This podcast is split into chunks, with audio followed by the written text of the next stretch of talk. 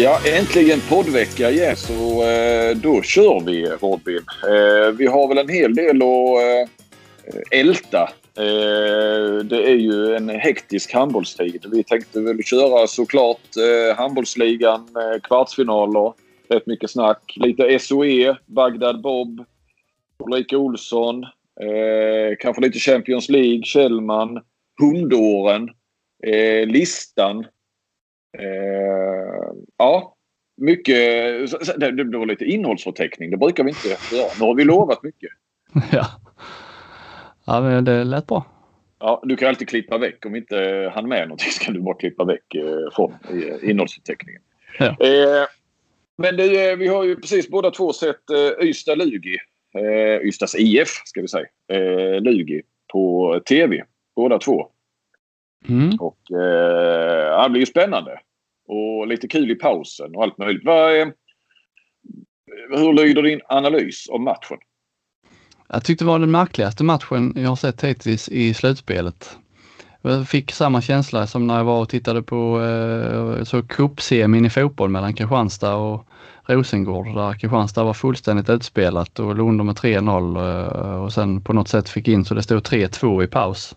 Trots att man hade, borde ha stått 6-0. Lite samma var det tycker jag. Öysta ledde med 3 i paus. Det borde väl ha varit eh, i alla fall 6-7 eh, bollar. Och sen eh, det var liksom den känslan man hade att eh, det var jag tyckte det var klasskillnad. Jag vet att de sa där att de körde fast i, i anfallet men eh, det, jag tycker ju att det handlade till 90% om att Simon Säger var så bra i målet. Annars hade matchen varit avgjord långt tidigare.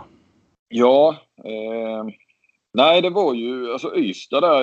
Jag tror de hade 10-7 efter 20 minuter utan... Eh, det hade inte Kim Andersson varit inne på plan. Han var ju knappt. Han var, spelade bara lite försvar. Lasse Balstad är inte är skadad, var inte med. Och, och då inga, tre målvakter saknades och säger då, då på 37 procent. Ja, man bara kände att eh, ja, men liksom, nu har Ystad kopplat greppet. Ystad kommer gå till semifinal. Mm. Eh, och så radade Lugi upp eh, tekniska fel. Eh, där sen, ja egentligen under den perioden. Jag tror, de, eh, jag tror det stod 7-7 efter 18 minuter. Sen helt plötsligt var det 14-9 efter 26 minuter till, till, eh, till Ystad. Men eh, alltså var det, var det 15-12 i paus va? Mm. Eh, och pausen fick vi ju höra, det måste vi stanna lite vid. Eh, ja. Jag tänker inte på eh, Kasper Kjells eh, eh, otroligt dåliga slutspelsskägg. Eh, utan, eh, för det ser faktiskt ut som att han försöker spara lite men det var väldigt lite fjul. Men han är inte så gammal. Utan eh, snarare på eh, killen som har grått skägg. Eh, Dalibor Dorder. Eh, född 79. Eh, Fattade du vad han menade där när han snackade om eh, steg och fyra steg och fem steg? Ja, vi kan väl bara lyssna lite snabbt på vad han egentligen sa och så får vi eh, utgå från det. Vad, är det som ni inte är överens om? Nej, alltså vi är inte överens på hur många steg man får ta i handboll. Uh, när man är så snabb som mig och uh, Kjell så får man alltid kanske ta ett steg extra. För ja. domaren ser inte exakt hur många steg det är. Sen så finns det ju tränare och publik och spelare vid sidan om som sitter på bänken som skriker steg hela tiden. Och det tycker jag är faktiskt är fel för att alltså, så länge som jag har spelat handboll Eh, har jag inte blivit blåst, uh, blåst av för steg uh, så många gånger. så jag tycker faktiskt inte det är steg i det, i, det, i det läget. Men han säger att jag tar fem steg. Vilket inte stämmer, för då hade domaren blåst. Alltså som jag tolkade först när jag såg detta så, så tolkade jag det som att han tycker att han är så pass snabb så att han förtjänar att ta ett extra steg. Han förtjänar att ta ett fjärde steg. Men sen hade du lite andra tolkningar.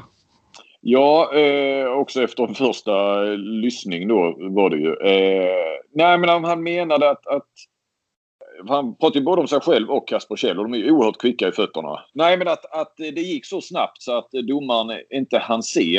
Eh, eller eh, liksom upp, att de är så kvicka i fötterna så att domaren tror att det måste, och motståndare också, att det måste vara fyra steg. Eh, sen kan man ju också tolka det som att Ja, eller att de hade rätt att ta något steg mer därför att de är så snabba så att eh, risken är att de annars blir dragna i, i armen eller någonting sånt där. Men sen kan du ju tolka det som att eh, de, eh, de eh, är så snabba i fötterna så att domarna inte ser att de tar fyra steg. Ja, ja precis. Så, ja. så det finns ungefär fyra tolkningar av den, den utsagan. Men eh, det, var lite, det var lite kul faktiskt. Han är en man utan filter, eh, Dalbodor. Ja, det får man lov att säga. Jag kommer ihåg när han gjorde sitt första mästerskap, VM 2009 i Kroatien och, och stod med honom där i mixade zonen tror jag. Och helt plötsligt kläckte han ur sig att han eh, var lite sjuk. Eh, han hade en förkylning i magen. Så vad fan, vad du förkylning i magen? Ja, min, eh, min mamma brukar säga det. Man kan ha en förkylning i magen. Jag tror jag skrev det. Det var väldigt underhållande. Vad var symptomen på detta då? Jag vet inte om det var att han var risig i kistan liksom. Eh, eh, eller om han bara mådde liksom lite sisådär överlag så. Eh, lite dåsig kanske om det var förkylning i magen. Jag vet inte. Men lite kul var det. Anledningen till att de pratade om det var i, i paus där, det var ju, var ju lite, lite grinigt som det väl ska vara. Eh, de sprang och skrek på varandra där i samband med att eh, det var väl när han fick en straff där då, då som eh, mm. Lugi tyckte han tog för många steg och han eh, reagerade eh, på det. Så det var därför mm. de hamnade, hamnade i den här stegfelsdiskussionen. Ja men det är ju, det är ju roligt när de här eh, matchserierna går in så här nu. När det inte är avgjort på tre matcher utan att det är så här jämnt. Och, eh, det blir den här hetsen och liksom eh, ja, med nya matcher liksom var tredje, fjärde dag eller så. Det, ingen vet riktigt hur det, hur det ska sluta. Nej.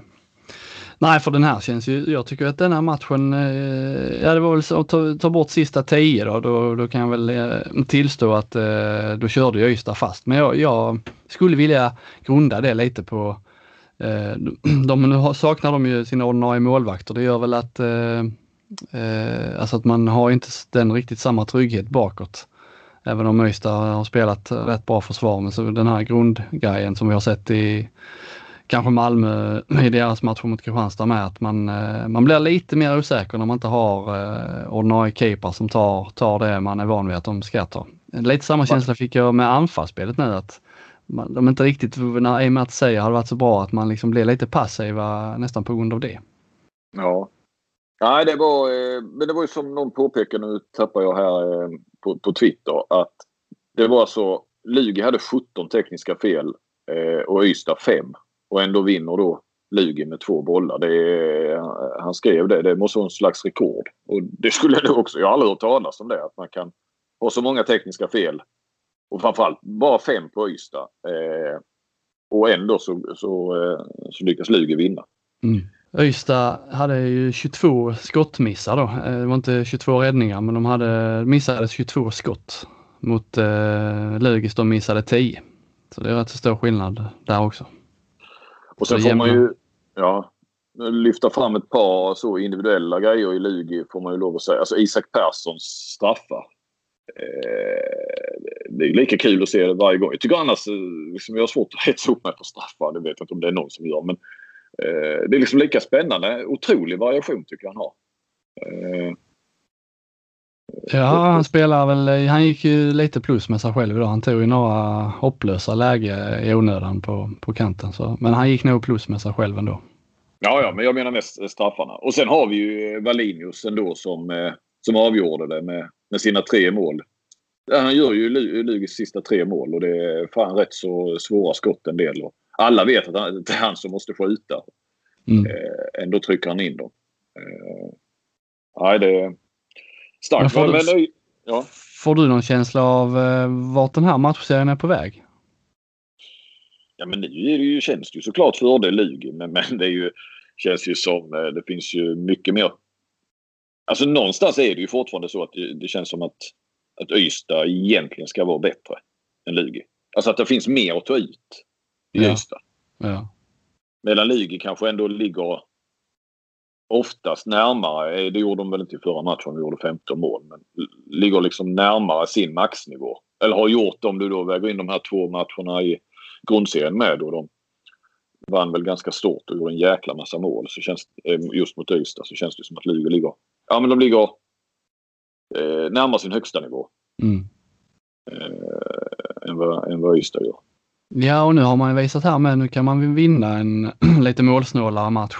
Uh, mycket tack vare Seijer då men det är liksom det jämnar ut sig det här med Seijer gör en massa räddningar och så gör Lugi tekniska fel.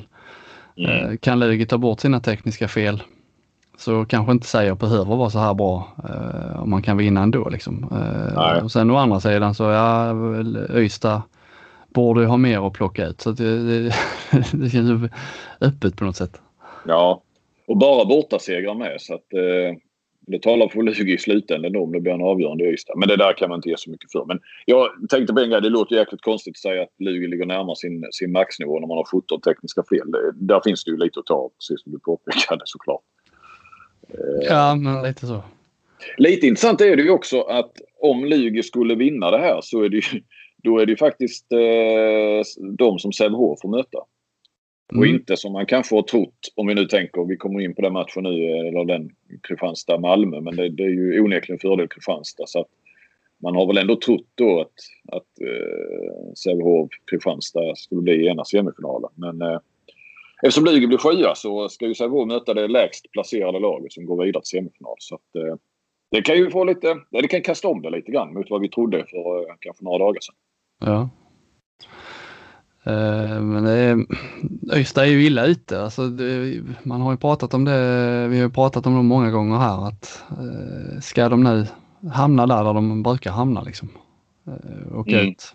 Nu mm. var de ju ändå liksom stor storfavorit, även om de förlorade serien så visst var de storfavoriter. Alla, jag har väl inte sett ett enda tips som, där någon tror att Lugi skulle vinna den här matchserien. Visst någon match skulle man kunna ta men inte att de skulle vinna matchserien. Nej, nej, nej, precis. Eh, ett har man väl trott, eller jag kommer inte ihåg vad jag själv tippade, men, men det har väl varit sådär. Ja, precis som du säger. Att Lugi skulle ta någon match. Mm. Då får Ystad rikta in sig på eh, European Cup i så fall. ja. Eh, du, eh, jag tänkte bara på en sak. Wallinius där. Eh, kan man verkligen hylla. Eh, och intressant är att han har varit nere i Frankrike och att Montpellier har tagit hand om hans eh, rehab då tydligen i två månader till och med. Det är, men något, alltså hans långbyxor, de här svarta. Eh, får man ha sådana? Tycker det ser för jävligt ut. Men det kan väl inte vara skydd allt det där? Eller behöver han ha? För, det är väl för att hålla värmen. Alltså hålla värmen, jag menar inte bara hålla värmen så utan hålla värmen, ja jag vet inte, måste man annars hade man inte haft dem. Tycker du det är fult? Ja, jag tycker, det, jag, tycker jag tycker inte det passar på en handbollsplan. Och jag är ju ingen estet så men eh, jag bara tänker, får man ha det? Ja, det, det är väl klart, annars hade man inte fått ha det. Nej, ja, men jag Vän av ordning Flink, du vill väl att domarna ska ha långbyxor också och eh, svartvit randig tröja? nej, men... Eh, eh, nej, men jag har aldrig sett någon spela med... Eh, vad var det Karabach? Nej, men de, de började ju med de här sleevesen, ja. Långa mm, på armarna ju. Ja, det har de ju haft. Det. Ja. Men det inte hela... Det är viktigt med färgerna. Bara han har rätt färg så är det ju lugnt. Ja, ja, jo, jag vet. Det, det, är, det är klart att det är enligt reglerna, annars hade han ju inte fått spela. Men varför, varför har han det och måste han ha det? Och borde det vara tillåtet? Det är viktiga frågor detta. Borde det vara tillåtet? Vem bryr sig? Vad fan, detta är vi ju inne och, och, och, och på dina... dina ja, jag satt faktiskt och tänkte i första halvlek, de zoomade in Wallinius när han satt och cyklade på en sån här träningscykel. Det blir ju en liten diskussion när det nu var i början av säsongen som jag av någon anledning hamnade på sidan där man skulle förbjuda träningscyklar bredvid bänkarna. Jag vet inte riktigt varför jag, varför jag liksom... Varför du tog den sidan? Nej, nu i efterhand så uh, kändes det som att det var en grej man skrev i hastigheten och sen när det blev mer tydligt varför han gjorde det så var man ändå tvungen att hålla fast vid sin ståndpunkt att det skulle vara förbjudet. Men nu kommer jag inte ihåg varför det skulle vara förbjudet. Ja, det är ungefär, jag skulle jämföra den träningscykelnivån med långbyxdiskussionen. Eh, ja, okej. Okay. Ja. ja, men vi, vi släpper väl den då. ja. Ska vi gå vidare till min hemmaplan? Tycker jag. Kristianstad-Malmö match 4 på lördag, 2-1 till Kristianstad. Det har ju blivit en rätt så rolig kvartsfinalserie det faktiskt. I alla fall ur mitt perspektiv då när man bevakar. När det är lite, vi sa det var lite grinigt mellan Lugi och Ystad där. Eh, det var ju något anfall bara. Här är det ju, ehm, har det ju varit grinigt både eh, under och före och efter matcherna nu. Eh, det här mellansnacket när de inte är riktigt överens, det tycker jag eh, tillför något. Jag tror att det tillför något även till de som tittar på, att man vet att det är lite spänningar. Mm. Ja, ja absolut. Vad är nu? Det, det är ju, nu är Malmö, är Viktor Östlund anmäld va? Ja, det har ju varit hela den diskussionen där med disciplinnämnden. Det var ju en eh, situation redan i eh, den första kvartsfinalen där när eh, jag blandar ihop Hampus Nygren och Simon Nyberg va? Eller är det tvärtom? ja, det vågar jag inte. Nej, vi får gå till eh, läggen för att kolla det. Ja, Hampus Nygren. Ja fick ju in en smäll där på, i huvudet på Tater Einarsson som fick eh, hjärnskakning. Den, eh, då frågade jag ju, eh, domarbasen skulle inte använda, anmäla situationen och, och, när man frågade sportchef eh, i Kristianstad då, Jesper Larsson så, så var det ju inte ens i närheten av att de eh, tänkte på det och anmälde. Så. Eh, men sen så blev det nu här i kvartsfinal tre inte egentligen inte så liknande situationer mer än att Östlund eh, får in en smäll på Johan Nilssons eh, näsa där var det väl. Som nu eh, Kristianstad valde att anmäla. Så det gick ju snabbt från det där liksom kategoriska nej, vi anmäler inte till, det är inte vårt jobb, eh, till att det var deras jobb. Eh, kan man säga jag tycker ju, ja, alla, alla både lagen är väl rätt rörande överens. Jag gissar att du och jag är rörande överens om att det borde inte vara upp till lagen att sköta den biten. Det, det borde finnas en eh, kommitté som eh, tittar på det liksom eh, oberoende på eh, var man har sina sympatier.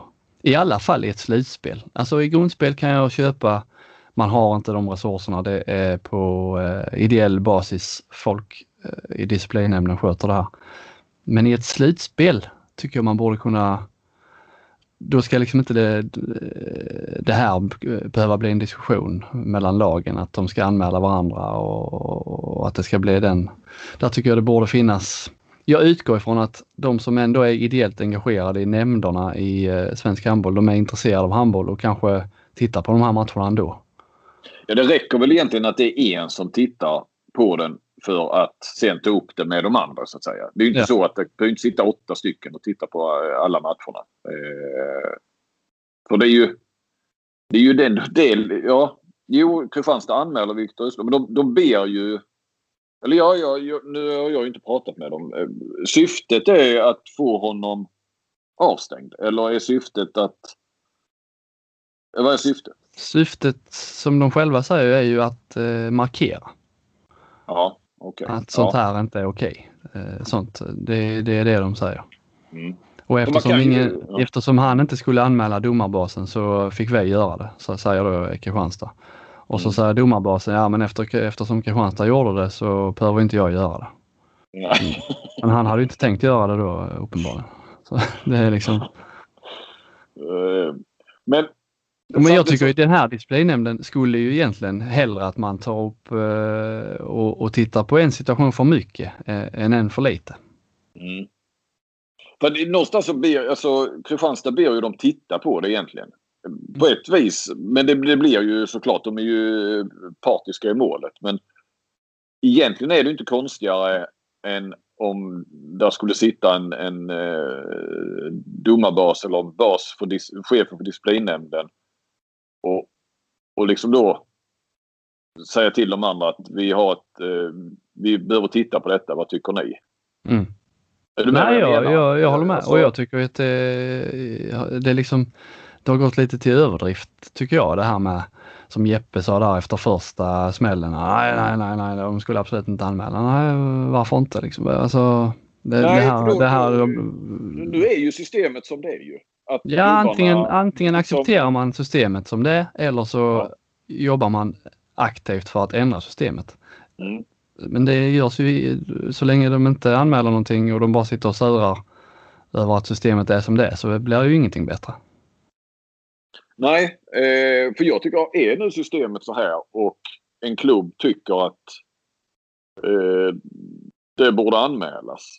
Eh, för, för den första där eh, eh, första situationen eller i första matchen. Jag menar Jesper Larsson hade ju inte haft någonting emot att domarbasen hade anmält det. Det tror jag inte. Nej, nej. Nej. Men om nu systemet är så att egentligen tycker Kristianstad att det här borde anmälas och så anmäler de. Då tycker jag de ska anmäla menar jag. Alltså, jag menar det är det här gentlemannasport. Alltså det blir ju, tycker jag, blir ju liksom överdrivet. Nej, systemet är att, att klubbarna, det är ju egentligen de som ska anmäla. Sen de tog bort det här att en tredje part, eh, då när det satt någon i Thailand mm. och anmälde till höger och till vänster. Så, så det, blir, det blir ohållbart. Vem som helst skulle kunna göra. Nu ligger det ju på klubbarna och då, då måste de väl ha rätt att anmäla. Jag, jag vet inte. Det, alltså, ja, nej, jag tycker det, det har blivit lite tramsigt det här att det ska vara så himla överdrivet att klubbarna inte ska anmäla varandra för då, ja, då som att det skulle bli en anmälningsfest då. Nej precis. Ja, nej. De är ute i, och tycker det är för jävligt i tidningarna och sånt där. Men, ja men anmäl då. Nej, nej, nej, vi anmäler inte. Nej, men det är ju, ja. Nej. ja. Så eh, på så vis tycker jag det är bra. De här, då får man ju svar. Alltså, jag menar det är väl intressant. För det är ju trots allt de som bestämmer i disciplinnämnden. Så det väl jätteintressant för Hamburgsverige att och, och få några fall så, så man vet var det står någonstans och vilket håll Ja, och det är framförallt... Varje fall enskilt men, men för framtiden också någonstans. Alltså, ja. var, var, ska gränserna gå någonstans? Så, eh, ja, ja för det, man har ju egentligen ingen aning om det. det, var, det var domarbasen, vad han anmäler och inte anmäler är ju... Jag har inte blivit riktigt klok på var han drar gränsen för vad han tycker borde bli anmält. Men han anmäler RIK eh, för två situationer som som du skulle kunna hitta rätt många av i, i matcherna. Och så råkade han väl titta på de matcherna och tyckte att det, det var något liksom. Så jag har inte riktigt fått något grepp om var han tycker att gränsen går. Sen tycker jag väl som eh, jag tror inte att Viktor Östlund kommer att bli avstängd för det här. det, här om Kristianstad skulle anmäla så hade de nog haft ett bättre case i eh, Hampus Nygren-slaget där. Det, det tyckte jag var värre i alla fall när man har sett det i efterhand. Mm. Vi, Östlund är ju, sen tycker jag väl kanske inte att bedömningen om man ska bli avstängd eller inte bara ska handla om om det är meningen eller inte. Det spelar ju mindre roll i sammanhanget, eh, tycker jag. Blir ja, det var det vi var inne på senast tror jag va? Med avsikt och konsekvenser och sådär ja. ja. Men sen är väl grejen också att Östlund har ju varit inblandad i rätt mycket. Alltså inte, eh, kanske inte grejer som ska anmälas men jag har ju aldrig haft bilden av honom som eh, en, en bise eh, och så. Men har, jag har ju ändå sett flera grejer där. När någon han sparkade efter någon eller drog någon i fot. Eller ja, det har ju varit, han är helt plötsligt är han inblandad i en massa, massa grejer. Och många som känner honom och Ja, det var hans egen bror. Det är klart, då fattar man vilken sida han står på. Alla, alla pratar ju bara om att, ja men det, det säger väl Malmö själva också. Ja, men han, han menar inget illa. Det har bara blivit lite olyckligt. Han har varit lite, klump, han har varit lite klumpig i några situationer. Men ja, ja, jag, eh, alltså, jag står absolut inte på Kristianstads sida i detta. Men, men jag har faktiskt reagerat att Östlund, eh, det har varit rätt många grejer. Eh, sen menar jag inte att så kan ju inte disciplinnämnden döma. Det är inte så att du samlar på det till en avstängning. Utan det får ju vara Mm. Ett case som en annan. Nej, men jag tyckte ändå detta var... Ja, nej, jag vet, fattar vad du menar. Men jag tycker ändå detta var mer en så att säga vanlig smäll mot huvudet om det nu är vanligt. Eh, mm. Den med Nygren där i första matchen tyckte jag var mer... Alltså det var mer onaturligt. Man drar i tröjan och, så man får liksom en... Med och samtidigt så slår han då i, i nacken så det ut som, eller i bakhuvudet. Eh, det blir liksom en onaturlig smäll som, ja, som inte liksom Eh, ja, alltså det är ju ingen situation egentligen där man kan råka göra någonting. Nej. Men, men, men sen var det väl också någonting där i den andra matchen där Kristianstad hade kört över. Eller var det första? Nu kanske jag blandar ihop dem. Men det har ju varit... Alltså Malmö spelar ju mycket tuffare i, i den andra matchen var det va? Mm. Eh, efter att ha blivit överkörda av Kristianstad. Det var ju tydligt att de hade snackat liksom om att vi måste spela mer på gränsen. Så kändes det ju. Mm. Det var ju en helt annan aggressivitet och allt sådär. Och det, det kan ju slå fel. Det, det kan inte, de är säkert inte ute efter att skada, det tror jag absolut inte. Men det här att, ja men det vet man hur det funkar. Att så liksom pumpa upp och det, det, ta revansch och aggressivitet och sådär. Så kan ja. det bli. kan du slå lite fel. Knuffa lite extra och hålla lite extra eh, fasthållningar och så. Eh, ja, det är, precis. Så är det Ja, men få visa för varandra liksom och sådär att eh, de är på tårna och så vidare. Ja. Uh, ja, nej, men, men, vi kan väl landa. Vi, jag tror inte det blir någon avstängning på Viktor Östlund och uh, det tycker jag inte att det ska bli heller faktiskt. Det borde nej. ha blivit rött kort i matchen, men det borde inte. Det var väl alla. Det var, sa väl domaren också. Att det skulle ja. ja. Eh, Kul att man fick vara inne i domarrummet Flink efter en ja. match. Det var länge sedan.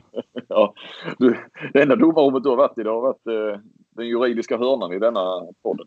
Ja. Eh, du, jag såg att du försökte få tag i Stian Tönnesen eh, i samband med detta väl? Ja, jag har försökt ringa honom eh, många gånger här under slutspelet. Men det ja. går, inte. går inte. Nej. Det är, alltså han är helt ensam får man ju lov att säga, är min erfarenhet. Alltså, det känns som jag... Så då, ibland så har det varit nu, jag tror det var inför det var nog nu inför slutspelet ja. Jag skulle jag tippa och kolla av med laget så jag ringde ju alla eh, tränarna. Och, ja, jag fick ju tag i alla nästan på studs i princip. Och sen vet jag ju sen tidigare att Sten Tönnesen är... Eh, helt, alltså kan han ringa upp dagen efter och, och så var jag så att du har sökt mig. Och det är oftast för sent. Så att det, jag provade tror jag en gång men sen ringde jag Konrad istället direkt. Eh, ja, han sticker ut där. Tyvärr på det sättet. Sten. Ja, Konrad, Konrad har ju blivit eh, min man också. Han sa, Konrad sa att man ska ringa efter klockan 20 till Stian för då är han tillgänglig. Ja, ja men det är så. Jag sa dagen efter. Men ibland kan det vara så att man ringer honom, söker honom på förmiddagen. Så, så plötsligt bara ringer han vid 8-9 på kvällen. Jag det.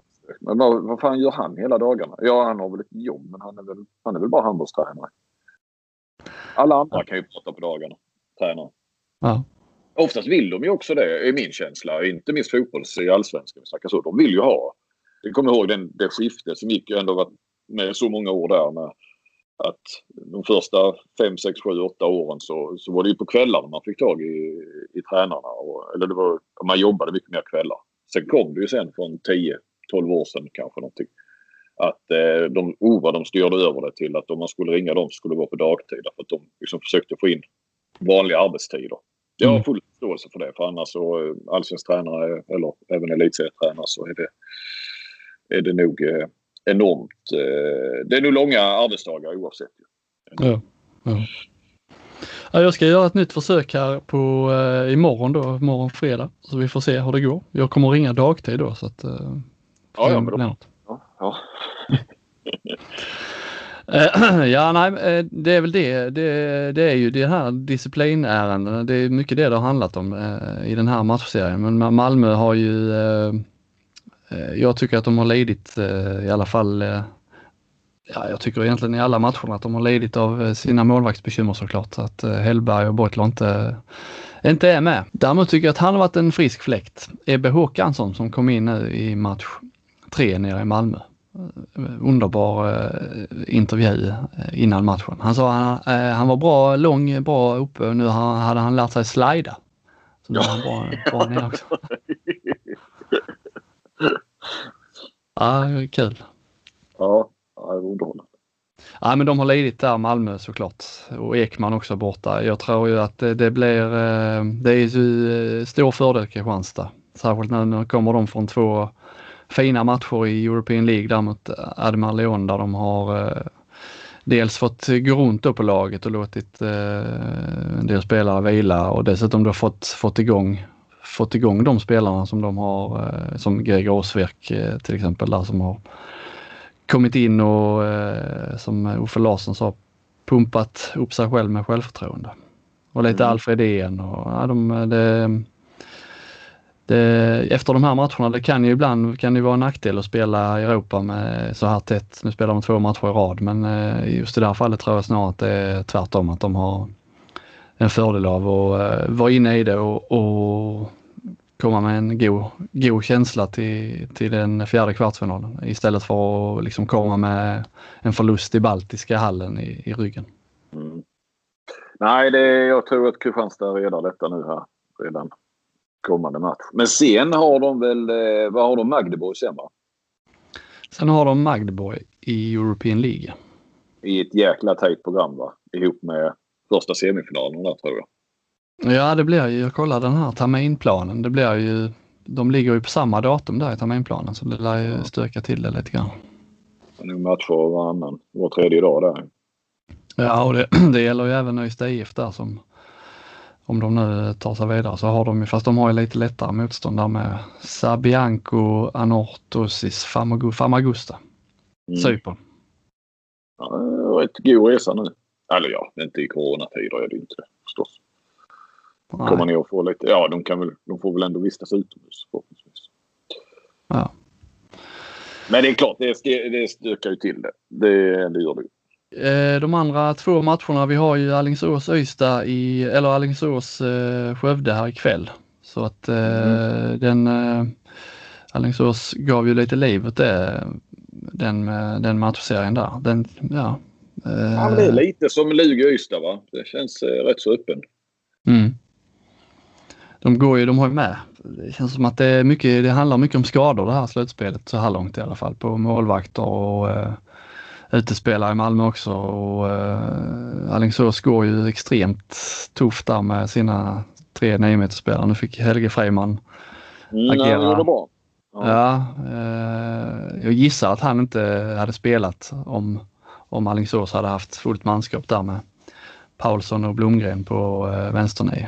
Man såg ju att han skulle helst inte skjuta. Man hörde Signell, Signell med någon timeout där att ja, nu sköt Helge ett skott men Eh, samma behandling på honom fortsättningsvis. Ja. Ja. Men han gjorde det jäkligt bra. Han satte ju de andra i lägen. Eh. Alltså det är ändå intressant att de vet att han inte kan skjuta och han skjuter i princip inte ett enda skott och ändå så, så, så, så eh, trycker han liksom ner eh, Skövdeförsvaret och, och, och ger lägen åt de andra. Mm. Det, det, det räcker att göra så. Eh, nej, så är den väl öppen. Och sen har vi ju Sävehof vidare då. Eh, inte oväntat med 3-0 men eh, eh, däremot lite oväntat hur jämnt det var i de två sista matcherna där. Så att, där led mm. man väl lite med Guif att de inte kunde... De hade nog aldrig klarat detta i slutändan ändå men de kunde ju förlängt det i varje fall så att det kunde blivit fyra, kanske till och med fem matcher. Mm. Ska vi bara gå tillbaka lite till Kristianstad där. Vi eh, nämnde aldrig med Jonas Ville. Vi får väl ta, det, ta den i mål också. Ja, den gick ju i mål. Eh, trots alla dementier och... Eh... Ja, han, eh, han sa ju där när jag pratade med honom när det var klart att eh, han skulle gå och berätta för spelarna. Skönt att slippa, eh, slippa ljuga. Eh, man kan ljuga på olika sätt men han gick onekligen ut rätt hårt när, han, när han dementerade. Ja, det... Ja, ja, du, ja, alla vet väl vad man... Alltså i vår roll så tycker jag det är jobbigt när de, eh, när de ljuger så. Eh, då är det ju... Jag vet att om man säger inga kommentarer så, så tror de själva att det uppfattas som en bekräftelse. Det, det kanske det kan göra men eh, har det nu kommit ut så har, har det ju kommit ut. Och då, ja, jag tycker det är tråkigt. för då vet man aldrig när man kan, när man kan lita på, på dem igen. Jonas Wille till, tillbaka till Kristianstad. Det är ju, jag tycker att det eh, Bokvist var väl första valet egentligen men jag tycker att eh, Jonas Wille, eh, om jag hade fått välja mellan de två så hade jag nog eh, också eh, rekryterat Jonas Wille faktiskt. Nej, men jag tror att Kristianstad, jag tror, Wille kan mycket väl, eller jag tror att han är rätt för Kristianstad i det här läget. Med, som känslan är ju att han kommer ju jobba långt ner i åldrarna. Men, men verkligen med det här med talanger och, och få fram eh, eh, egna produkter och hela den biten och, och scouting. Och jag menar det är ändå, han är ju norrman så att han har väl koll på, på hemmaplan. Han har säkert bra koll på eh, danska lagen också efter att ha varit där eh, i den ligan. Så att det känns ju som han eh, nog har ett rätt så brett kontaktnät och så. Han var ju onekligen med och, ta, och, som jag fattat det, han och Ulf Nyström var det ju då eh, till Skövde. När han kom till Skövde så gjorde de ju några strålande värvningar där ju samtidigt. Mm. Ju. Som jag gissar att han var, hade ett stort finger med i spelet med, med Helke Jepsen och, och så vidare. Ja, och det verkar som att han är jäkligt omtyckt. Han har nog lätt för att om han ringer och vill ha en spelare så är det nog många spelare som, som eh, kan tänka sig att gå till en klubb enbart för att han är där. Ja. Så jag eh, uppfattat. Och sen just det här att nu har Kristianstad haft en massa tränare som, eller massa, de har haft Ola Lindgren och, och Vranjes som har varit förbundskapten och liksom inte varit eh, på plats alltid under de här månaderna när de har mycket tid och, och, och träna liksom. Mm. Nej. Sen tror jag väl att det hade... Mm. Ja precis. Sen tror jag att det, och nu vill de ju ha kvar Uffe eh, Larsson i, eh, i, inom A-laget liksom, så det hade väl eh, gått bra ändå. Men just att ha en tränare, liksom ha ett helt team som kan, ja alltså det är 100% engagemang i, mm. i eh, Kristianstad. Det tror jag, det, det tror jag de behöver. Är det ett intressant projekt? Ja, ja han sa det. Det är väl modeordet när man, det är det man tar över PSG eller Manchester City. Då brukar det heta att det är projekt. Men du, jag, jag reagerar lite på det. Ja, men jag gillar ju Ville. Eh, jag tyckte inte om att han ljög för dig. Han har ju faktiskt inte ljugit för mig för jag fick inte tag i honom. Eh, ah, för mig, ja, lite för mig. Det är väl mest i dansk media han har... Ja, det var det kanske. Ja. Eh, men jag gillar inte att han kallar det ett projekt. Eh, vad fan. Eh, IFK, en kamratförening som har funnits i över hundra år kan ju... Det, det kan aldrig bli ett projekt. Nej. Tycker jag. Men jag är ju... Jag ifrågasätter ju långbyxor på spelarna också. Så att jag är väl kanske ingen eh, framåtlutad eh, människa. Eh, utan snarare bakåtsträvare. Möjligen. Ja, men jag, jag, lite så. Så vet jag inte, det är en norrman så att det, det kanske inte betyder samma sak. Men man får ju lite sådana känslor att det är ett, nu ska det bli ett köpelag här.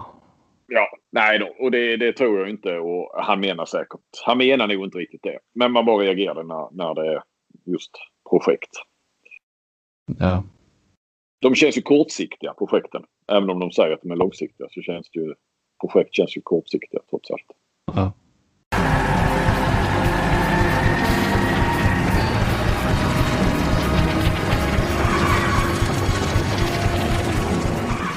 Nej men eh, min tur att, att eh, sätta ihop listan då. Denna väldigt uppskattade programpunkt i podden. Mm. Tror jag. Ingen aning. Eh, Inte av Kent Harry i alla fall. Nej. nej, så var det va? Ja. det kunde vi lägga ner listor och sånt skit. Eh, men eh, när jag satt och tittade här nu på Ystad Lugi så eh, det har, ju, det har ju skrivits en hel del om eh, 00 Den här kanske den mest talangfulla generation. Så får vi se om den blir lika bra som 82orna då med, med Kim Andersson och Jonas Larholm och dem. Och, och sen har vi ju 64orna då längre tillbaka. Men det bara slog mig här nu. Eh, en... dels hur vilken stor roll de här 00 har nu i, i nästan alla eh, slutspelslagen. Alltså vi hade ju Hallbäck i Ystad IF. Eh, var ju bra idag. Eh, framförallt första halvlek kanske. Eh, Kasper Kjell eh, hade väl lite tyngre match men, men är ju helt central. Och sen har du Isak Persson på kanten då. De båda i Lugi. I eh, Skövde, Alingsås så har vi ju Viktor Ljungqvist som påminner en hel del om Kasper Kjell som har otroligt kvicka fötterna. Inte riktigt lika stor roll som Kjell och, och Hallbäck kanske i spelet men eh, Nej, hade no men kommer ändå in. Alltså de, de, när Skövde är fulltaliga, eh, inga skador, så har de ju en jäkligt stark eh, 9 meter. Så bredd på 9 meter. Så att Ljungqvist har ju lite mindre roll där. Men när han kommer in så är han ofta bra. Mm. Här, härlig att se också. Eh, och sen har du William Andersson Moberg. Eh, som ju också, eh, och inte minst nu när det är rätt så tunt på 9 meter på Alingsås. Eh, eller han har ju alltid en stor roll. Eh, har han ju. Men kanske ännu större nu, eh, nu känns det som. Eh, och eh, sen har vi ju Simon Möller i, i, i Sävehof som eh, har lite han har ju lite mindre roll så. Han är väl inte, får inte räknas som första målvakt. Utan det är väl, vad heter han? Obling? Vad heter han? Bertrand. Mm, mm. Eh, och sen har vi förstås Erik Johansson i Guif också. Eh, ny utslagen men, men eh, där snackar vi också stor roll. Kan man ju lugnt säga. Och, och, och många av de här är ju eller i princip allihop, känns ju så här lite matchvinnare. De bangar ju inte för någonting. Alltså, då är Isak Persson både avslutar och straffar och, och de andra eh, tar ju verkligen ansvar fast de bara är 20-21 nu i år. Eh, det om det, men sen när jag satt så så, kom det, så slog det mig, vilket jag har gjort tidigare, att nästan alla har ju papporna är ju gamla storspelare. Så jag tänkte eh, bara dra en lista här. Det ska vi, vi kör väl topp fem. Eh, och så tänkte jag ranka dem lite orättvist utifrån hur bra deras papper var. Eh, mest får, får vi med på ett enkelt sätt vilka, vilka papporna är. Mm. Eh, och då hamnar ju...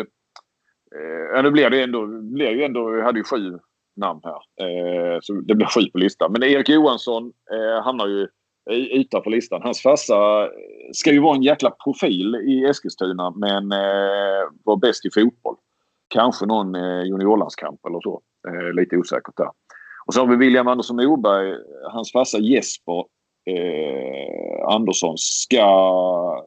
Inte säga, han inte kolla upp det riktigt men kan ha spelat i elitserien på något av de mindre Göteborgslagen. Så Heid eller vad Sviterna. Låter det vara lite osagt. Med risk för då att vara lite eh, ute och segla. Men sen har vi koll på resten. Och nu tar jag dem och jag vet inte fasen om det blir rätt, rätt ranking eller rätt vet jag inte. Men eh, femma då är, är ju eh, Simon Möllers farsa Peter Möller. Stora linjespelare, försvarsbjässen, Sävehof och vad var han? Var han i... Var ju nere i Tyskland med där ju i... i eh, var han med Thomas Svensson? Var han i Hamburg eller var det innan de... Det var det laget som blev Hamburg. Ja, det är lite osäker här. Men det är ju en, eh, verkligen en, en, en profil. Eh, Viktor Ljungqvist passar. Mats Ljungqvist Det är ju lite Mr IFK Skövde. Assisterande tränare nu. Eh, väldigt duktig eh, mittnia. Eh, hade ju, kom ju aldrig med i landslaget. Var med på no några läger men hade ju en oerhört tuff konkurrens. Eh, jag tror han var född 68 så han hade väl eh, Magnus Andersson ett par år äldre och Stefan Lövgren ett par år yngre. Var lite, hamnade lite i kläm där. Eh, när Sverige var som allra, allra bäst. Annars hade han nog kunnat gå in i, i det svenska landslaget under många andra epoker. Eh, sen har vi ju Pelle Kjell, pappa till Kasper. Eh, jäkla fin handbollsspelare. Tog väl SM-guld med, med Ystad eh, 92. Eh, och tvåa har ju Jonas Persson. Eh, eh Isak Perssons farsa då. Vänsternia. Eh, hade ju inte mycket speltid men var ju faktiskt med i VM 90-laget.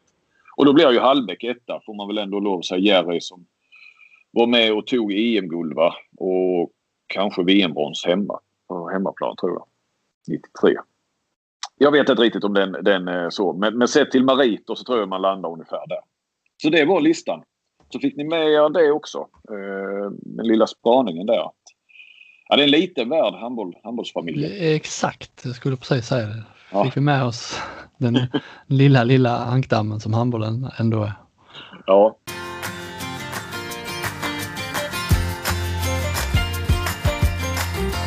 Nu kastar vi oss över till eh, SOE lite grann. Ja, där det väl egentligen börjar på allvar nu kan man säga. Med ehm, semifinalerna ja när vi har Skuru, vi har H65, vi har Sävehof och så har vi då Skara som eh, ja, skulle väl eventuellt kunna göra någonting mot Skuru nu när de eh, inte har Ulrika Olsson. Nu vann de ju, eh, Heid tog ju en match där men sen vann de ju i, i, i två raka efter det. Så de har väl hämtat sig lite från den chocken. Men det är ju liksom kvartsfinalerna var ju i mångt och mycket eh, kändes det avgjort på förhand. Även om Skara, Kristianstad kanske blev lite... Matcherna blir ju jämna där i alla fall, de två första. Mm. Eh, så borde väl eh, Sävehof Önnered varit jämnare om du lyssnar på Christer Bergström, eh, Önnereds tränare. Också känns som Bagdad Bob. Från, eh, han var ju EM-general. Eh, minns väl där hur vi höll på med Ja. Mycket publik och biljettförsäljningen som gick ju eh, som tåget trots att eh, Danmark, Sverige var ute och Danmark ute. Och, ja, Läktarna var tomma men biljetterna var sålda. Biljetterna var sålda ja. Det var en jäkla rusning. Eh, nej men vi såg ju här nu eh, just lite Bagdad Bob tillbaka eh, tänkte jag när eh, han hade kommenterat efter att eh, Sävehof slagit ut Önnered i tre raka matcher så så menar han att de var värda att spela semifinal och de var minst lika bra som Sävehof. Och så. Det all, lät lite märkligt efter att man åkte ut med 3-0 i matcher. Du har förlorat alla matcher mot dem den här säsongen. Ja, dessutom.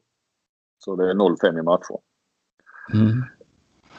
Du, ehm, Skuru utan Ulrik Olsson, den, eh, den lever vidare den affären kan man säga. Du har ju fortsatt skriva lite om det. Eh, kan man liksom, går det att utläsa något mer av vad som egentligen har hänt? Har du kommit Nej. närmare sanningen tror du? Nej, eh, ja kanske lite. Att, ja, jag vet inte, det, det, det är ju minerad mark det här. Va? Eh, så, så eh, det är väl många som reagerar på, alltså, när man läser Skurus då, tränare, ordförande och, och uttalande och så, så får de inte riktigt ihop det. Men jag tror att det handlar om... Jag fick ju känslan när jag pratade med Magnus Oskarsson Söder, att, eh, tränaren där, att han kunde nog inte riktigt säga eh, säga allting. Eh, han, det känns som han ville inte riktigt säga allting heller kring det. Vad det berodde på. Alltså sportsliga skälen rakt ut. Eh, var min känsla. Nej, jag, jag tycker att de, de hade tjänat på att eh, säga exakt. För jag får också känslan att de talar liksom lite i, det är mycket så här mellan raderna som man inte riktigt hänger med på och de talar liksom lite i tungor. De hade tjänat, de hade nog tjänat på liksom hur en för att liksom, om nu inte sanningen är som Ulrik Olsson eh, säger att den är, så då får man nog, då tycker jag de borde klargöra exakt vad sanningen, alltså vara riktigt tydliga. Det mm. hade de nog tjänat på.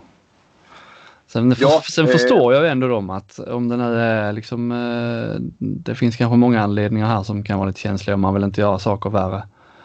Men, ja, och du menar vi inte känsliga i den bemärkelsen eh, ålder och familjebildning och nej. det här som, som eh, där ord står mot ord och så vidare. Vi får inte ge oss in i det. Min, min tanke, uppföljning var ju ta reda på lite om, om för någonstans så, så hur det kommunicerades och det kanske kommunicerades fel och där står det ord mot ord. Så fanns det ändå ett beslut om att inte att de ville inte ha kvar henne. Eh, de ville inte förlänga med henne. Och jag ville kolla med tränaren om de stod bakom det och liksom de sportsliga skälen som, som det då ska handla om och vilka de var. Och där fick man ju lite, där fick jag ju inte raka svar så att säga. Men min, min känsla var absolut att, att alltså tränaren stod ju bakom beslutet att fortsätta utan Ulrik Olsson nästa säsong. Sen ville de inte att hon skulle eh, hoppa av nu såklart ju. Men eh, utan de, de såg en, en framtid som, som eh, ja, väl på något vis skulle vara mer utvecklande och bättre för, för laget Skure utan Ulrik Olsson.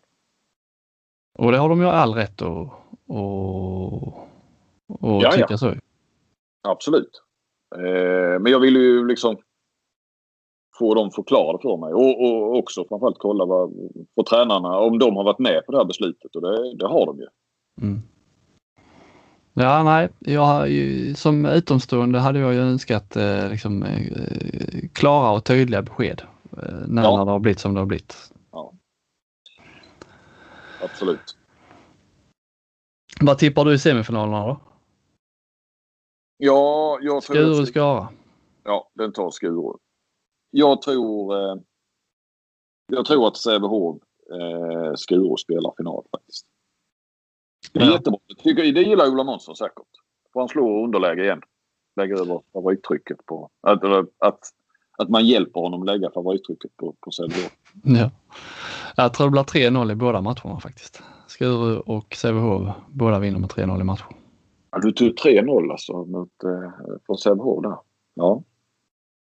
Ja, det, det jag har sett av Sävehof har imponerat. Alltså, de, jag tror de kommer vinna vinna SM-guld relativt enkelt i år. Jag tror de kommer jag ta Skura också i, i final, finalen relativt enkelt. De har eh, nog garanterat den högsta, högsta, högsta nivån. Så kan de närma sig den så, så, så ska nog de ta guldet. Mm.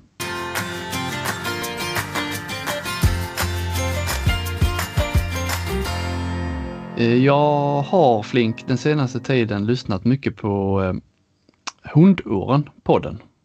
Är det någonting du känner till eller hört någonting om? Ja, du har ju faktiskt berättat lite grann. Du gjorde det för några veckor sedan. Men jag hade hört om den innan. Det var Thomas Andersson Vi va? Precis. mm. singer-songwritern som har startat en podd där han intervjuar eh, kändisar kan man säga, inte bara musiker, kändisar, komiker, programledare. Det har väl varit eh, Henrik Schyffert, eh, Erik Gadd, Filip och Fredrik. Eh, det hand, jag rekommenderar den. Den, är, den handlar ju om, ja, den heter Hundåren och den handlar också om de här gästernas hundår kan man väl säga. Det är där eh, basen är. Om det är om de, många av de här, eller de flesta som man har intervjuat, står ju liksom på någon slags topp i karriären nu då kan man säga, men har ju inte alltid gjort det utan de har Ja, det har ju varit, alla har ju sina vägar till, till toppen och även kändisar har inte alltid varit kändisar. Det, det är rätt så roligt och intressant och eh, lyssna på de här olika vägarna och hur långt, många av de här har ju varit eh, långt liksom nere i skiten och tänkt att eh, jag ska nog göra någonting annat eller jag eh, slutar, ja, nej, jag, det, här, det här är inte min grej liksom. Jag har varit rätt, rätt, eh, alla program har varit lyssningsvärda. Jag rekommenderar det starkt. Så mm. frågar jag dig, eh, apropå ämnet, och det var ju rätt kul, för när hade du dina hundar Flink? Då säger du, jag har inte haft några hundar. Nej. Allting har gått som på räls hela livet. Ja, ja. räkmacka och alltihopa. Nej, ja. Ja. ja, jag har haft det bra alltid. Är du ett av de här kulturbarnen som har fått en räkmacka rätt in i... Nej, det är det sista jag är. Det... Var, din, var din pappa, var han Bjärnums stolthet eller? Ja, nej. Uh, han var duktig i, i fotboll, han var fotbollsmålvakt. Men uh, faktiskt på, uh, ja, han var juniorlandslagsman och spelade i Hässleholms IF när de låg i toppen på eh, ja, alltså det som division 1 södra som är superettan nu så att säga. Så han eh, mötte IFK Göteborg på eh, Nya Ullevi i början på 70-talet när, Ullevi, eller när IFK Göteborg var nere. Ja, detta var ja. mer eh, helt ny information för mig. Ja. Annars så var han skolvaktmästare. Ja. Eh, så, nu var du eh, lite idrottsbarn kan man säga då att du har kommit in. Ja. Det är han som har liksom ja. tagit dig in i det här. Så eh, det kan man säga. Eh, absolut. Det är en, släkten är mycket idrott på farsans sida. Mm. Men eh, ja, nej. nej jag läser inte många böcker där hemma. Det kan jag säga. nej. Nej, men så tänkte jag ju på det här med, jag kom ju, man landar ju ofta i handbolls, eh, man vill ju ofta dra in ämne på, man, när man lyssnar på sådana här poddar så ja, kommer man ju in på, på handbollen. Vilka spelare vi har här som spelar eller tränare som alla, alla har ju sina hundar, eller de flesta då, alla utom du. Eh, någon gång där det kanske är lite tyngre, tyngre i karriären. Eh, och där jag, jag, tycker att det finns många sådana exempel inom handbollsvärlden. Eh, många olika typer av hundar med tycker jag. Om man bara, om jag får dela in några, dela in det i lite kategorier Flink. Mm, absolut. Man kan ju ha eh, hundar man kan ju få göra sina hundår tidigt i karriären. Alltså man är ingen jättetalang som eh, är bra i unga år. Man är liksom, slår sig inte in i kanske Skånelaget eller man absolut inte spelar i några yngre landslag. Eh, man blommar liksom ut senare än alla andra och får kriga sig fram till, eh, till sitt genombrott. Eh, det finns ju många exempel där med de här lite äldre gardet med Löv, Stefan Lövgren är väl det, är det inte det tydligaste exemplet på, på en sån spelare som, som hade sina hundår tidigt och eh, sent genombrott. Marcus Alm, även om han hade tre U-kamper enligt Handbollsförbundets hemsida. Ja precis. Ja men det finns ju en, en, en hel radio som inte har gjort... Ja men Vranjes hade inte heller några u-landskamper. Linnea Torstensson och Tobias Karlsson. Nej. Det, eh, eh, det finns ju fler. Men... Peter Thomas, hade inga heller. Nej, precis. Eh, ja, den första jag tänkte på, men det visade sig att han hade lite u-landskamper. Max Darj är ju en sån här som, mm. som eh, har krigat, krigat länge känns det som. Mm. Eh, men det var några u-landskamper ja. Det var några u-landskamper ja. Mm. Jag hade ett exempel här när, närmare mig som jag, eh, det har jag inte uppe på landslagsnivå, men en sån som eh, som Johan Nilsson, du vet, mm. Kristianstadsspelare. Eh, kom ju upp tidigt, sågs väl som en rätt hyfsad talang men liksom inget, eh, inget alldeles, alldeles spektakulärt liksom. Tränade stenhårt var liksom, han hade skallen. Lämnade Kristianstad. Var väl aldrig någon sån här strålande stjärna i IFK Ystad egentligen heller. Och så kom, fick han liksom ändå komma tillbaka till Kristianstad har gjort det bra här. Mm. Eh, han har haft många hundar känns det som, eh, Johan Nilsson. Mm. Träningsprodukt. Vi har ju lite ett annat, eh, en annan kategori eh, med hundår där vi har de som faktiskt har slagit igenom tidigt. Eh, men kanske ja, av olika anledningar får något bakslag, man kan bli skadad, hamnar lite snett eller kommer till fel klubb och hamnar i kylan, får inte spela så mycket. Där till exempel som jag tycker vi har en spelare som kanske är inne i sina hundar nu i Jerry Tolbring som mm. sitter i, Rhein Löven kom ju dit när Gudjon Wahl Sigurdsson var där och så skulle han lära sig av honom och tanken var väl tror jag för alla inblandade att Tolbring skulle liksom ta över den rollen när Gudjon Wahler gick vidare med sitt, med sitt liv. Eh, ja, så istället så kom ju eh, Gensheimer tillbaka. Ja, det ville han hem ja. ja.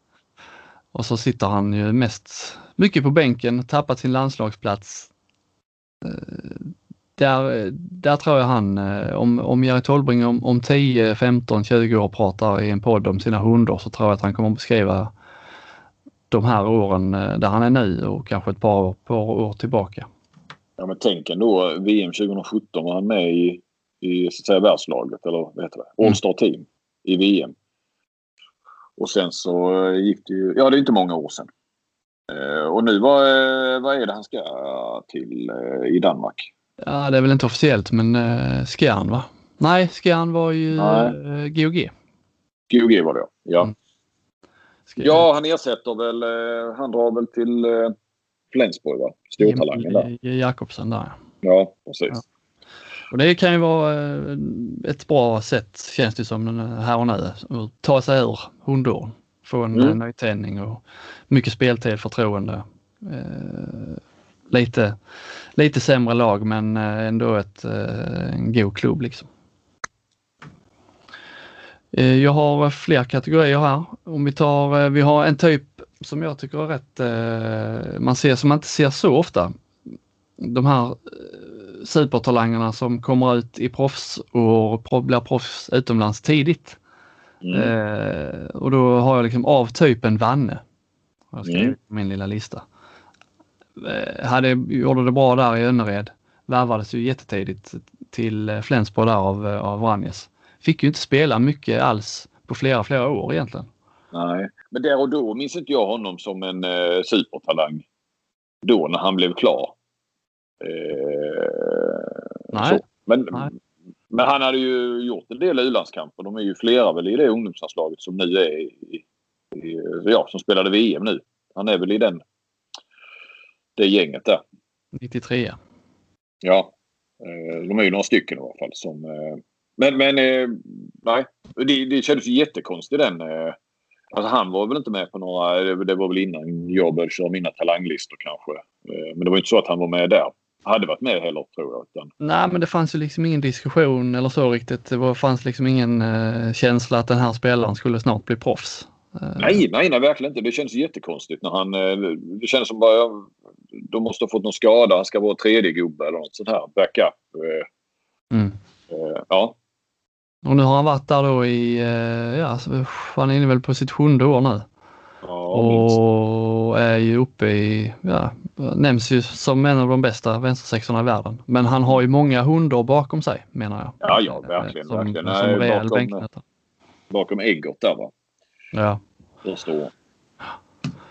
Eh, jag vet inte om man har några fler exempel. Det är ju, det är ju inte, det är inte riktigt eh, den vanliga vägen man går, att man blir uh, proffs och börjar med, med fem år på bänken i samma klubb och sen krigar sig, krigar sig till att bli en av världens bästa. Det är den, den karriärs... Det, eller vad ska man säga, karriärstegen ser man inte så ofta. Ja, den är, den är smått unik nästan för, för Vanne skulle jag säga. Men ändå, jag kan ändå tänka mig att de hundåren han hade där i Flensburg måste ju vara på ett sätt, alltså han vet ju förutsättningarna så att det måste vara lättare att ta de hundåren än säg Tolbring som mm. kommer till en klubb och så blir det inte riktigt som man har tänkt sig. Jag visar ju att Vanne var ju väl införstådd i vad, vad som gällde. Då är det lättare ja, ja, att gå igenom hundar. På tal om Vanne bara, det är ju otroligt... Um, som sagt, ja, det är ju egentligen de senaste åren nu bara, precis de sista två åren som man, tre kanske, som man mer har snackat med honom. Men nästan varje intervju så, eh, eller sådär efter matcher och så att eh, han framhåller aldrig, aldrig sig själv utan och, och det här han eh, får utmärkelser och något sånt där. Han, och det känns verkligen genuint. Det är inte bara som han säger. Alltså, han skiter i det fullständigt. Mm. Eh, alltså han blir ju nästan förnärmad om man eh, liksom då efter eh, VM senast började prata om att han var med i världslaget och eh, sådär. Nej, otroligt bara prata om, om laget och verkligen njuta av att vara i en lagsport. Det är, bara, det är så påtagligt med honom. Ja, det är härligt. Och det, det känns verkligen, det är genuint också. Han tycker verkligen det. Jag njuter ju fortfarande av hans eh, Instagramkonto med eh, alla hån mot stackars Jim ja. Gottfridsson. Ja, men eh, ja, nej. Eh, han gillar inte att prata om sig själv. Nej. På det viset. Nej. Jag hade en till här. Eh, eh kategori med hundar. Det är ju eh, den typen av spelare som, jag vet inte om de själva skulle säga att det är hundar, men där finns ju, där finns ju spelare som harvar, harvar på i handbollsligan år efter år. Eh, kanske går utomlands till Norge typ eh, eller i någon annan, någon annan klubb. Får liksom inte det här jag vet inte om jag ska säga genombrott, men får liksom inte det här lyftet i alla fall i, med, med de mediala utrymmet. Utan de jobbar på. De flesta av de här spelarna får ju aldrig det. Men eh, om man tittar på en sån som eh, eh, han som kom upp i mitt huvud var i alla fall Kristoffer Brännberger. Som då fick det här lyftet då till slut när Sävehof vann mm. sitt SM-guld. Innan det hade han ju kört på och varvat lite mellan eh, allsvenskan och elitserien, eh, flyttat lite till Norge. Sen var han i kadetten, ka, ja precis, ja. Schaffhausen. Eh, alltid legat liksom lite så under radarn. Krigat på och spelat handboll och har väl inte tänkt mer på det. Och så i Sävehof så guldåret där så blir han liksom en av de mest omskrivna mm. spelarna i, i det laget. Jag vet inte om han själv skulle säga att han har eh, hundar bakom sig. Eh, men det måste ändå vara det här SM-guldåret med Sävehof måste ändå vara ett lyft upp från allt det andra han har gått igenom. Eh, absolut. Jag, jag tänker lite som Fredrik Thern kanske. På ett vis eller?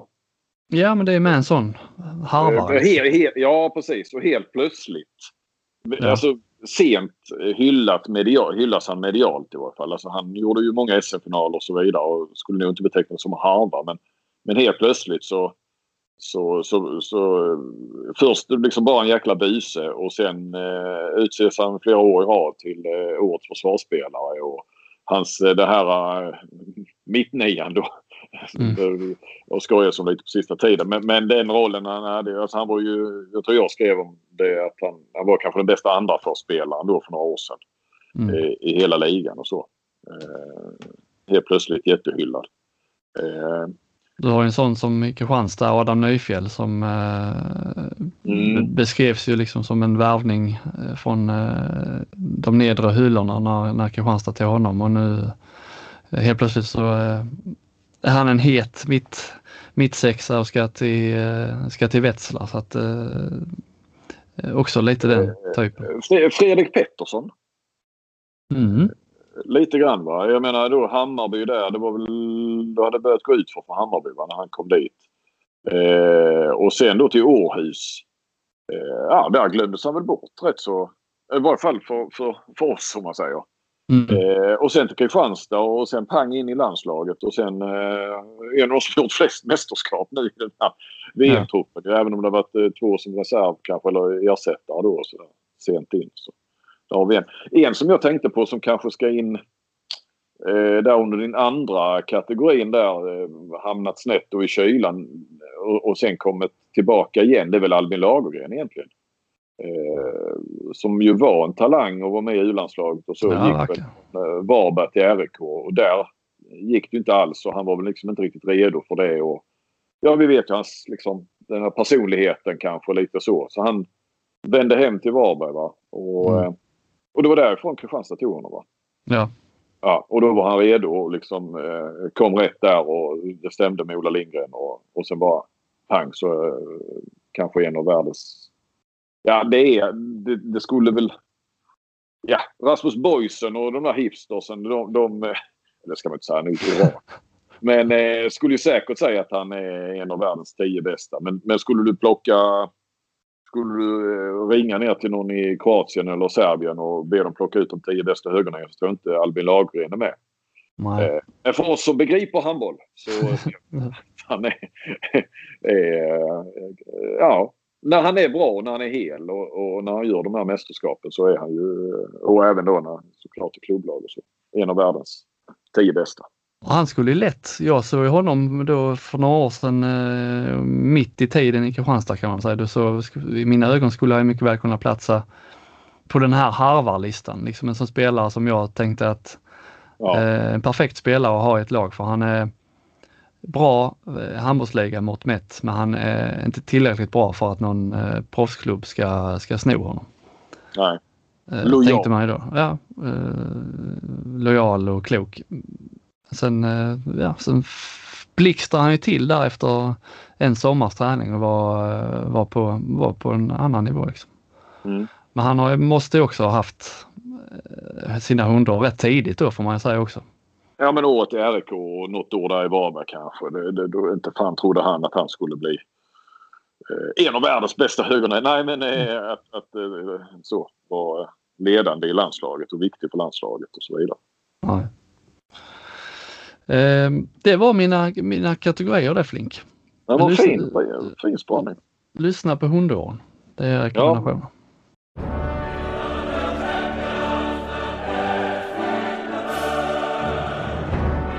Ja, eh, ni som läser vad jag skriver så, så eh, har kanske sett nu i dagarna Jag snackat med Jonas Kjellman och plockat fram lite statistik. Så det, det är klart, då har man kanske fått det där men så jag ska inte dra allt det här eh, igen där men, men eh, för jag pratade med Kjellman på när det var det här, eh, gjorde den här ska man säga, artikelserien eller så om IFK Skövde så eh, hade jag, jag skulle kolla någon grej med, med Kjellman där. Det var då han berättade det i podden när han hade varit med och invigt Kumla. Nej, var det Kumlaanstalten? Ja, det var det väl. Detta Nej. känner jag inte igen. Ja, det var något. Jo, det var det. Kumla, någon ny avdelning där. Han eh, Skövde skulle ju vara med och inviga. Spelade Nej, jag vet inte. Det, nej, vi, vi, det, det, det, får jag uppdatera, ha mer färsk i minnet. Annars så, så blir det fel med fakta. Ja. Eh, men då pratade jag med Kjellman och då bara kom in lite grann på framtiden och, och sådär. Så, men det var inte läge att skriva så. Så tänkte jag nu när slutspelet drar igång igen så det har jag också räknat på lite grann tidigare utan att fullfölja det. Men nu gjorde jag det eh, igår då eh, och, och kollade. Alltså han, han gör så sin 17 slutspel i, i Champions League. Alltså där han gått vidare från gruppen är bland de 16 eh, sista lagen. Eh, det är han inte värst. Det är några stycken då med, med Lazarov och Karabatic. Och Vori var det var utespelaren och sen är det väl Sterbik och Omaje också eh, som, är, som har fler eh, så slutspel. Men han är ju den som har, det är bara fyra spelare totalt som gjort fler matcher i Champions League än vad, än vad Kjellman har gjort. Mm. Eh, bort. Hela biten då. Ja. ja, men lite grann bort faktiskt. Alltså det är ju... Alltså han har ju haft sina... Han har, ja, sina hundar. Nej, det har han ju knappt haft ju. eh, egentligen. Men, men eh, så mer medialt så... Eh, nej, men han sa ju han vill ju fortsätta ett år till eh, i varje fall. Eh, och helst upp fick Kägger, annars skulle det bli någon annanstans. På nog rätt hög nivå. Han hade nog något annat bra på gång och det skulle nog bli Champions League nästa år också. Men eh, så, det kan ni läsa om i den intervjun. Det jag tänkte på var bara här ändå så snabbt. Alltså handbollen är ju inte större i Sverige än att är du inte med i landslaget så, så, så glöms du bort rätt snabbt. Mm. Eh, och sen visst, är, är, du, är du i handbollsligan och med i slutspelet här och är lite upcoming eller en, en, blir en profil så, så, så blir det intressant för den lilla handbollsfamiljen. Men ja, du vet om man snackar någon sorts sportallmänhet och så. Va? Är man inte med i landslaget så, så finns man inte nästan. Mm. Men, alltså, Kjellman, visst fick Kägged Ungern, det är inte den hetaste ligan och så. Det fick Kägged aldrig med i Final Four, men nästan alltid i kvartsfinal. Eh, så, så, det är klart, de är ju inte där. Final Four kanske också kan samla eh, lite fler eh, tittare och intresse och så. Men är man då inte med i landslaget så, så men ändå är på den nivån. Han är lagkapten alltså i Pick Kägged som ändå de sista åren är ju bland de åtta bästa lagen i världen kan man nog säga. Mm. År efter år. Och, och, och eh, 39, det var ju lite mer uppmärksamhet kring en annan 39 den, den gångna veckan då med Zlatan. Mm. Eh, nej, så eh, jag bara tänker liksom just det här nu, de här nu som, som inte är med i landslaget. Lukas Nilsson eh, kanske framförallt. Eh, även stycket. Eh, stycket kommer ju vara med i Final Four eh, förmodligen eh, några år till kanske. Eh, Linus Arnesson nu Jesper Nielsen där. Eh, ja, men Jesper Konradsson till exempel var ju med där VM 2005. Det här är också verkligen liksom som har försvunnit från den radarn. Ja, eh, om du inte är med i, där i mästerskapen så eh, ja, du glöms ganska snabbt. Du kan ha rätt så fin, fina karriärer och så ju. Uppskattad i den ligan du är och, och sådär. Det vet vi ju. Konradsson är ju Kanske inte lika mycket nu så här men då när det var Skjern slut Veszprem och, och där den säsongen eller de säsongerna där. Var otroligt hyllad ju i Danmark. Mm. Mm. Så eh, nej. De eh, har det säkert bra. Det går ingen nöd på dem. Men, eh, så, så, vi ska inte kalla det några hundar men, men eh, de, eh, de kommer inte vara i ropet här hemma medialt. Nej. Eh, så det ska du vara det så behöver du spela i, i landslaget. Nu är det väl risk att Pick Seged uh, åker ut tidigt här i Champions League. Förlorade ja. ikväll då när vi spelar in här mot Kiel med fem bollar på hemmaplan då. Så det är ju lite taskigt utgångsläge. Ja men de blir ju sexa i gruppen efter Ja, det var ju han väldigt eh, förbaskad på eh, Kjellman. Eh, då i, i början på säsongen så fast de knappt hade några spelare, många coronafall, så tvingade IOF dem ändå att spela. Sen var det en lång period mitt i Champions League-säsongen där det sköts upp matcher så fort det var någon som hade coronafall. Och sen blev det i slutet så skulle ju allting vara klart då innan OS-kvalet. Det, det fanns ju ett sista datum där alla matcher måste vara spelade. Sen skulle slutspelet börja efter. Eh, och då fick de ju, vad var det, två eller tre matcher de fick lämna VO. Mm. Som de förlorade på. Så de blev ju sexa i, i, i gruppen. Och, och framförallt vet jag, jag pratade med honom för ett år sedan också då när, eh, när de blåste av slutspelet. Eh, när de har gjort en, som då, redan då sa ju Kjellman att det här är ju vår bästa säsong och, och nu kan det bli Final Four. Så blåste de av. De blev ju trea i den gruppen bakom Barca och PSG och sen så bestämde IOF att bara köra Final Four då med ettan och tvåan i, i de två grupperna. Mm. Så lite otur fick Sceged nu och då åka på Kiel här. Ja, och Kiel blir ju trea. Det är ju liksom, eh, de hade ju Barcelona och Vesprem före sig i den gruppen så att eh, Kiel är ju starka också. Det är ja, ja. lite backflytt. Ja. Ska vi bara redovisa att kvällens andra match då i Champions League eh, vann Kielce borta med en boll mot, eh, mot Nantes med Kirill Lazarov. Still going strong. Precis, vad var det nu han? Han kom väl upp i... Eh, han kommer att göra flest matcher i Champions League tror jag. Var det inte Boysen som hade någonting sånt? 249 matcher eh, idag. Jag tror han tangerade...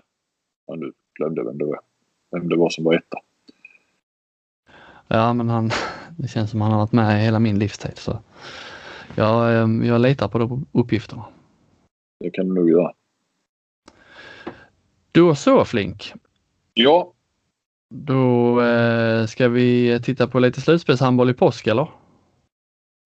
Får försöka eh, klämma in det i, i, i familjelivet.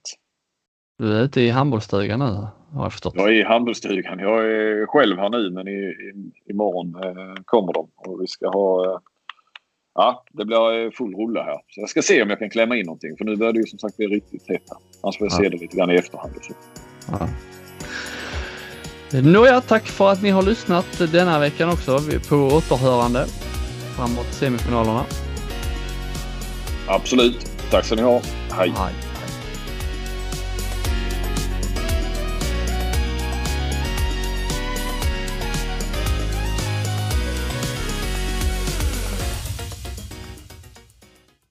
Du har lyssnat på en podcast från Aftonbladet. Ansvarig utgivare är Lena K Samuelsson.